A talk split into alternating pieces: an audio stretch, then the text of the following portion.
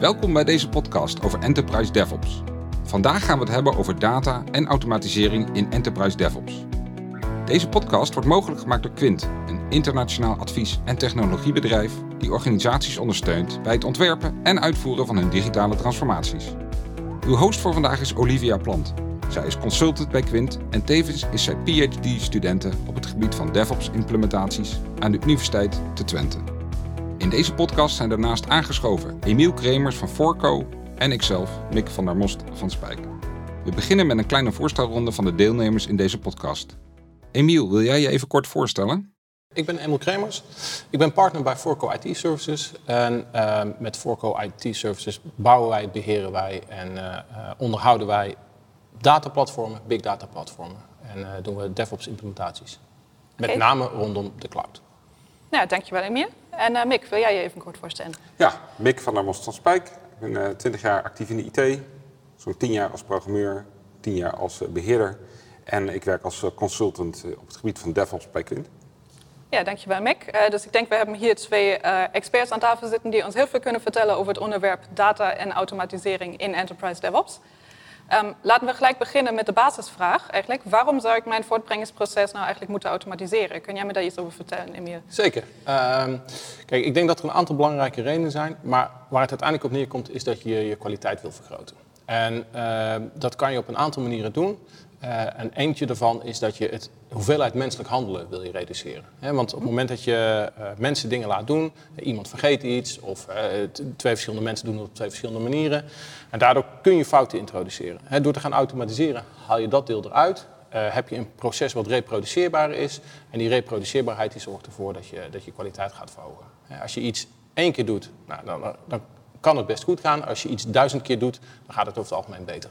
Ja, dus ik hoor je zeggen eigenlijk, uh, je moet je uh, voortbrengingsproces een stukje standaardiseren en dan ga je hem automatiseren en zo vergroot je je voorspelbaarheid. Exact, ja, precies dat. Ja, ja. klopt. Ja, heel goed, dankjewel. En uh, voor onze kijkers die misschien nog helemaal niet weten hoe een voortbrengingsproces eruit ziet, kun jij daar iets meer over vertellen, Mick? welke stappen maken er onderdeel van uit en wat kan ik daarin precies automatiseren? Ja, automatiseren begint echt bij het bouwen van een stukje software op een gezamenlijke plek. Dus je hebt meerdere ontwikkelaars en die uh, sturen hun code, wijzigingen naar een centrale plek. Dat noemen we een code repository. Mm -hmm. uh, tweede stap daarin is dat je dat op die centrale plek ook gaat bouwen. Ja, dus dat je op één plek één manier hebt van bouwen. Dat je niet hebt works on my machine. Dus niet dat de software alleen bij de ontwikkelaar werkt, maar dat die voor iedereen op een centrale plek werkt. Dat is het uitgangspunt. En dat is het stukje softwareontwikkeling. Ja, ook heel belangrijk om goed samen te kunnen werken natuurlijk. Dat het op iedereen's uh, computer draait. Ja, en, uh, zeker. En, en je kan elkaars code uh, makkelijk controleren en samenwerken en over in gesprek gaan. Je bent niet meer afhankelijk van één persoon. Hè? Je bent niet afhankelijk van één persoon, klopt. Ja. Ja. Een stukje daarna, wil het hele proces even doorgaan, wat we op het plaatje zien? Ja, heel graag. Okay. Ja. Uh, het stapje daarna is het dat je continu wil integreren. Dat betekent eigenlijk dat alle ontwikkelaars die hebben niet alleen hun code naar die centrale plek gestuurd en gebouwd, maar je wil ook dat het met de rest van de omgeving samenwerkt. Dus codewijzigingen doe je met bestaande applicaties, met bestaande deelapplicaties of stukjes laten samenwerken. Dat noemen we continuous integration. Er zitten ook testen bij, vaak unit tests, die de code controleren of dat goed is volgens de afspraken die wij met het team hebben gemaakt. En ik denk ook een belangrijk stuk wat je hier al kan integreren is echt, uh, voldoe ik aan, aan de governance regels? Hè, voldoe ik aan alle, alle beveiligingsrichtlijnen? Uh, uh, werken we niet met bepaalde type data? Hebben we niet per ongeluk een, een, wachtwoord ergens in onze code opgesloten? Dat soort tests die kun je hier in deze fase al doen. En daarmee heb je het ook weer over een stukje kwaliteit vergroten. De, de, kans dat je hier een foutje maakt kun je daarmee al enorm reduceren. Dat is ook weer heel handig voor je IT-audits natuurlijk. Als je kunt aantonen dat je bepaalde testen altijd draait. Exact, niet? ja tuurlijk. En, en je kunt hier ook weer automatisch rapporten uit laten komen. Uh, nou, die, die, rapporten kan je weer opnemen inderdaad in je auditproces. Als je, als je het hebt over ISO 27000X, en de, uh, nou, dan wil je gewoon kunnen zien dat je, dat je daaraan gewerkt hebt, dat je er iets aan gedaan hebt. En dat bewijs heb je gelijk vast liggen. Ja, ja. ja dankjewel. Een stukje na die integratie, na, die, na dat testverhaal, is uh, dat je ergens dat stukje software wat je hebt getest en gebouwd, dat je dat opslaat. en dat, dat sla je eigenlijk op op een plek waarvan je naar productie kunt gaan. Deployen noemen we dat de grens daartussen, dus dat je nog handmatig naar productie gaat, maar dat het proces tot het opleveren, dat noemen we continuous delivery. Van daaruit kan je dus naar verschillende omgevingen gaan deployen. Ga je dat zelfs ook nog automatiseren, dan ga je naar een stukje continuous deployment toe. Dat betekent eigenlijk dat een ontwikkelaar een wijziging maakt. Die wordt getest volgens alle procedures die we hebben afgesproken. Die wordt gecontroleerd op beveiliging, wat we met z'n allen hebben afgesproken. Uh, en uiteindelijk wordt, gaat die dan automatisch naar productie toe. Ja, en uh, heel goed om te weten voor onze kijkers, dat is dan ook waar wij het vaak over hebben als wij de woorden continuous deployment pipeline of uh, continuous delivery pipeline gebruiken, toch? Ja, die hele set van tooling aan elkaar, dat noem je eigenlijk een pipeline. Ja. Dus vanaf de allereerste applicatie waar de ontwikkelaars een code in zetten, tot het opleveren naar productie, dat hele proces ertussen, dat, dat noemen we doorgaans een pipeline. En daar, daaromheen hangen dan een hoop processen. En die processen samen maken dan, plus die pipeline maakt dat je nou, in een van die fases zit, of DevOps, of als je nog niet zo ver bent in een van de, van de andere fases. Uh, ik denk een andere, iets wat wel heel aardig is, is dat waar je als je hiermee begint, kun je zeggen, nou, we laten een aantal gateways. Hè, tussen iedere fase zit, zit, een soort gateway. Dan wil je een groen vinkje halen van, uh, uh, nou, we kunnen door. Dan kan je beginnen door dat allemaal met de hand te doen. En naarmate je meer vertrouwen krijgt in het proces en in de tooling en de dingen die je doet, kun je die ook weer gaan uitautomatiseren. Waardoor je uiteindelijk eigenlijk geen menselijke handeling meer nodig hebt om te beslissen om naar productie te gaan. En als alle zijn op groen staan, dan gaan we ook automatisch door. En dat heeft als enorm voordeel dat je, als je zou willen, meerdere keren per dag features zou kunnen releasen. Dus uh, je kunt veel makkelijker je, je, je software uh, uh, ja, voorzien van, van nieuwe functionaliteit.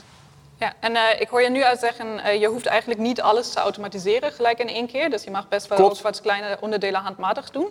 Um, dat is een heel erg mooie brug naar mijn volgende vraag eigenlijk. Ja. Van stel voor dat ik nou als DevOps-team of als IT-manager samen met mijn team besluit, nou automatisering, dat klinkt hartstikke mooi, dat willen we gaan doen. Maar waar begin ik dan mee? Want zo te horen zijn er heel veel dingen die ik kan automatiseren. Um, en ik, het hoeft niet allemaal in één keer. Maar wat, wat zijn nou de eerste stappen die ik dan zou moeten nemen? Ja, nou ja, er zijn denk ik twee belangrijke dingen. Eén, je broncode moet je op één centrale plek hebben. Je, je moet een, een, een code repository hebben, dat, dat is één. En twee, je moet klein beginnen. Uh, dus niet gelijk proberen al je producten, al je diensten volledig uit te gaan automatiseren. Maar begin met één klein product Ga daar die ervaring op doen. Doe dat met een team die er ook heel enthousiast uh, over is. Uh, en ga vanuit daar als een soort olievlek, zeg maar, langzaam maar zeker je overige producten en je overige diensten automatiseren. Maar vooral begin klein. Okay, duidelijk. Heb jij er nog een tip voor onze kijkers, Mick? Um, ja, dit was ook mijn tip eigenlijk. begin. Um, ja, leer, je moet vooral leren omgaan met met zo'n pipeline, met al die tools die erin zitten. Die zijn namelijk eigenlijk voor elk team, elke applicatie, elk product, kunnen die verschillen. En je moet als team echt ervaring op gaan doen. Hoe werkt dat? Hoe werkt dat voor mij? Hoe werken wij samen? Ja, dus dat, dat is echt wel het eh, allereerste begin.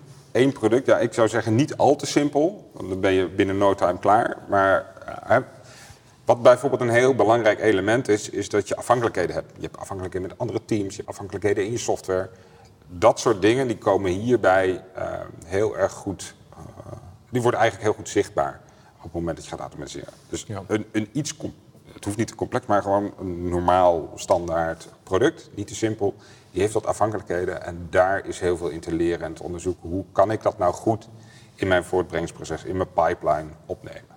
En, en dan hebben we het niet alleen over het uh, wennen aan of het leren kennen van de, we zeggen, de, technische tooling.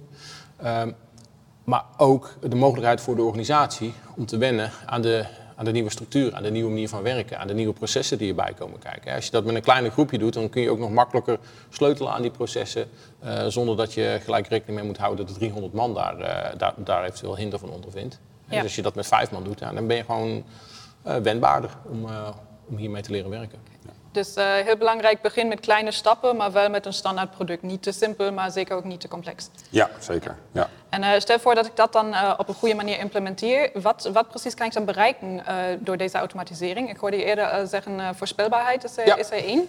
Um, wat, wat, heeft dat nog meer voor benefits voor mijn bedrijf?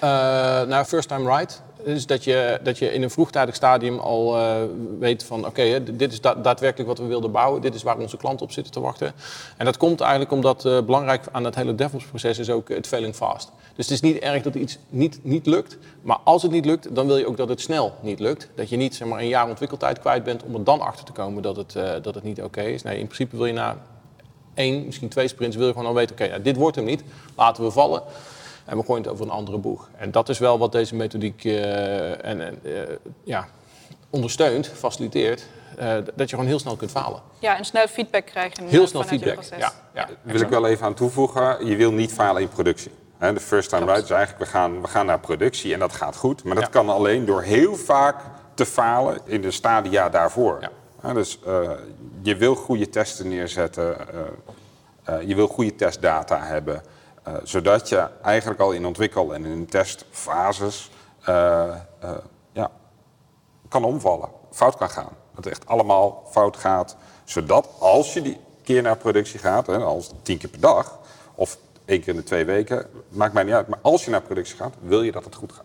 Ja, zeker. En, en hier zie je ook dus weer hè, dat, dat eh, hoe vaak je iets doet, hoe comfortabeler je ermee bent. En dat zit ook in dat, dat veel vast opgesloten. Eh, als, jij, als jij die stappen duizend keer moet doen, dan, eh, nou, dan gaan ze gewoon steeds beter. Hè? Al die kleine foutjes die erin zitten, die haal je er op een gegeven moment uit. Ja, volgens mij wordt er binnen DevOps ook vaak gezegd: if it hurts, do it more often. Hè? Dus Ja, als iets pijn doet, zeker. dan doe het vaker. Nou, dat eh, lijkt mij heel erg van toepassing op automatisering. Ja. Nou, en wa- waar je dat uh, traditional ook nog wel eens terug ziet, is... eh, ik denk dat we allemaal wel een verhaal kennen waarin er wel backups zijn gemaakt. En toen kwam het moment van die ene restore na tien jaar. En dat het eigenlijk gewoon niet werkte, omdat het nooit getest is. Ja. Ehm, eh, terwijl als, je eigenlijk, eh, als jij iedere dag een eh, backup maakt en je doet hem ook iedere dag restoren, dan was je dat, was je dat niet overkomen. Ja, dat, dat, dat, datzelfde, diezelfde gedachte zit hier ook achter. Gewoon, je moet dingen gewoon heel vaak doen, of heel vaak laten doen. En dan word je er comfortabel mee. En dan... eh, Oké, helder, Ja. dankjewel.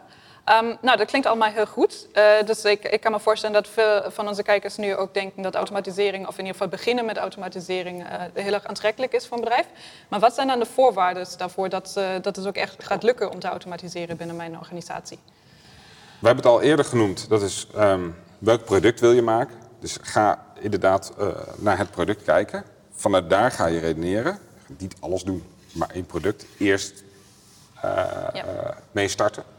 Wat ik een hele belangrijke voorwaarde vind, is ook dat het team eh, de verantwoordelijkheid krijgt om dat, eh, om dat goed te doen.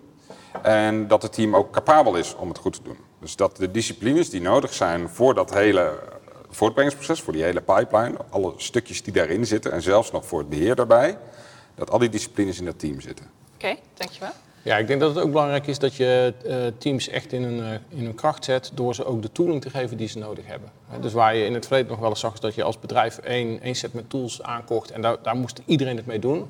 Ik denk dat eh, tegenwoordig, ook, ook vanuit de open source gedachte, maar ook vanuit de, de cloudbeweging, dat het veel makkelijker is om teams echt die tools te geven die zij nodig hebben. En veel meer maatwerk te leveren voor hun voortbrengingsproces. Dus als organisatie zijnde is dan je, ehm, is, is je taak eigenlijk om de teams eh, te ondersteunen bij wat zij nodig hebben. Ja, eigenlijk sluit dit gewoon aan, denk ik, wat iedere moderne IT-organisatie moet doen. hè. Die, die moeten ervoor zorgen dat ze eh, eh, de regierol pakken. hè. Die moeten ondersteunend zijn aan, aan- hun klanten. Eh, want anders loop je gewoon het risico dat je uiteindelijk vervangen wordt door een creditcard. Dan gaan mensen gaan het gewoon zelf wel regelen. Ja, En ik denk ook dat het heel belangrijk is om dat team mogelijk te maken om dat goed te doen. Is dat, dat, de, dat de leiderschapsrol eh, Ja. anders wordt. Dus als, als manager van zo'n team eh, ga je meer kijken hoe kan ik nou mijn team in kracht zetten. Zodat ze, die, eh, zodat ze dat voortbrengingsproces compleet beheersen en ze zich verantwoordelijk voelen voor een product. En dat doe je niet meer door te zeggen wat ze moeten doen. Maar dat door, ga je doen door te vragen, joh, wat heb je nodig om je proces te verbeteren, om je product te verbeteren, om je mensen te verbeteren. Dienend, hè? je wordt dienend. Ja. Ja. zeker. Ja, daar Dat, dat, dat is echt een opscha- omschakeling, maar dat is wel echt eh, dat is cruciaal. De, de- bij DevOps en, en op alle facetten is het veel belangrijker, eh, zeg maar de processen om, eromheen, die zijn veel belangrijker dan de tooling die je kiest. En die, die, die tooling komt in het kielzog van je organisatiestructuur. Ja. Ja, helder, dankjewel. Ik denk dat sluit ook heel mooi aan bij eh, dingen die wij in eerdere webinars besproken hebben. We hadden natuurlijk een webinar over eh, leiderschap in DevOps. En we hebben ook al besproken over hoe een organisatie nou DevOps-teams eigenlijk kan ondersteunen. Maar het blijft feitelijk bij de conclusie DevOps-teams zijn diegenen die hier in de lead zijn.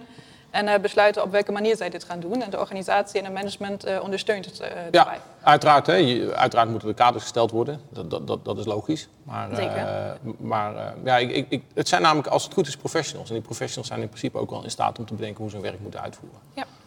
Ja, dankjewel.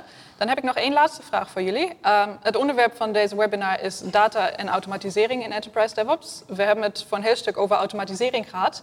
Maar hoe past het dataverhaal hier nou eigenlijk in? Wat heeft de data hiermee te maken? Ja. Kun je dat nog eh, uitleggen? Nou, ik denk dat de grap een klein beetje is, is dat eh, of je nu een eh, softwareproduct maakt of dat je een big data oplossing maakt, of dat je in een BI-rapportage zit. Op het moment dat je met DevOps aan de slag gaat, dan blijven eigenlijk al die facetten die blijven hetzelfde. Welke tooling je nou precies op welk moment gebruikt en wat voor soort tests je doet, die verandert. Maar eigenlijk de hele, de hele systematiek, de hele, de hele structuur van werken, het, het, het, het herhaalbaarheid, ja, dat blijft gewoon intact. Dus daar verandert eigenlijk weinig aan.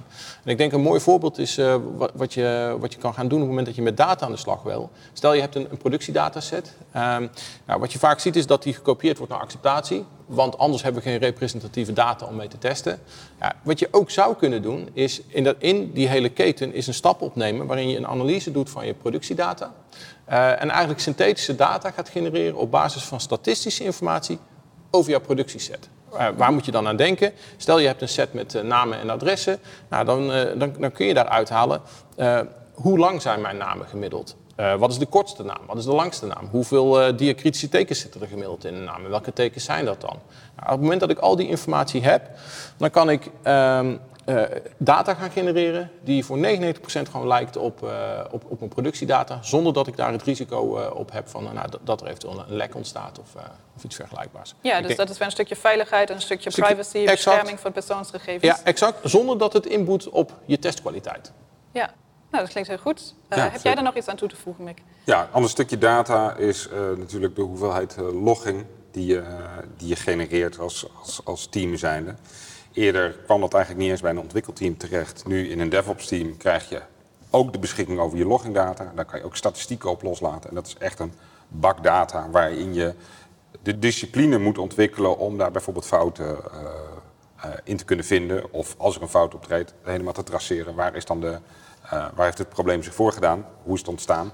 Daar heb je ook ja. die bakken data voor nodig. En een vervolgstap daarop kan zelfs zijn is dat je analyses, uh, geautomatiseerde analyses gaat doen op die data om al vroegtijdig problemen te ontdekken. Uh, en daar zelfs op, op, op, in te grijpen nog voordat je echt een, een outage hebt. Wij zijn aan het einde gekomen van deze vierde podcast. Emiel, bedankt voor jouw bijdrage. En u als luisteraar graag tot de volgende keer, waar we het gaan hebben over HR-ontwikkeling met Enterprise DevOps. Wilt u meer informatie hebben over Enterprise DevOps? Kijk dan op onze site www.quintgroep.com.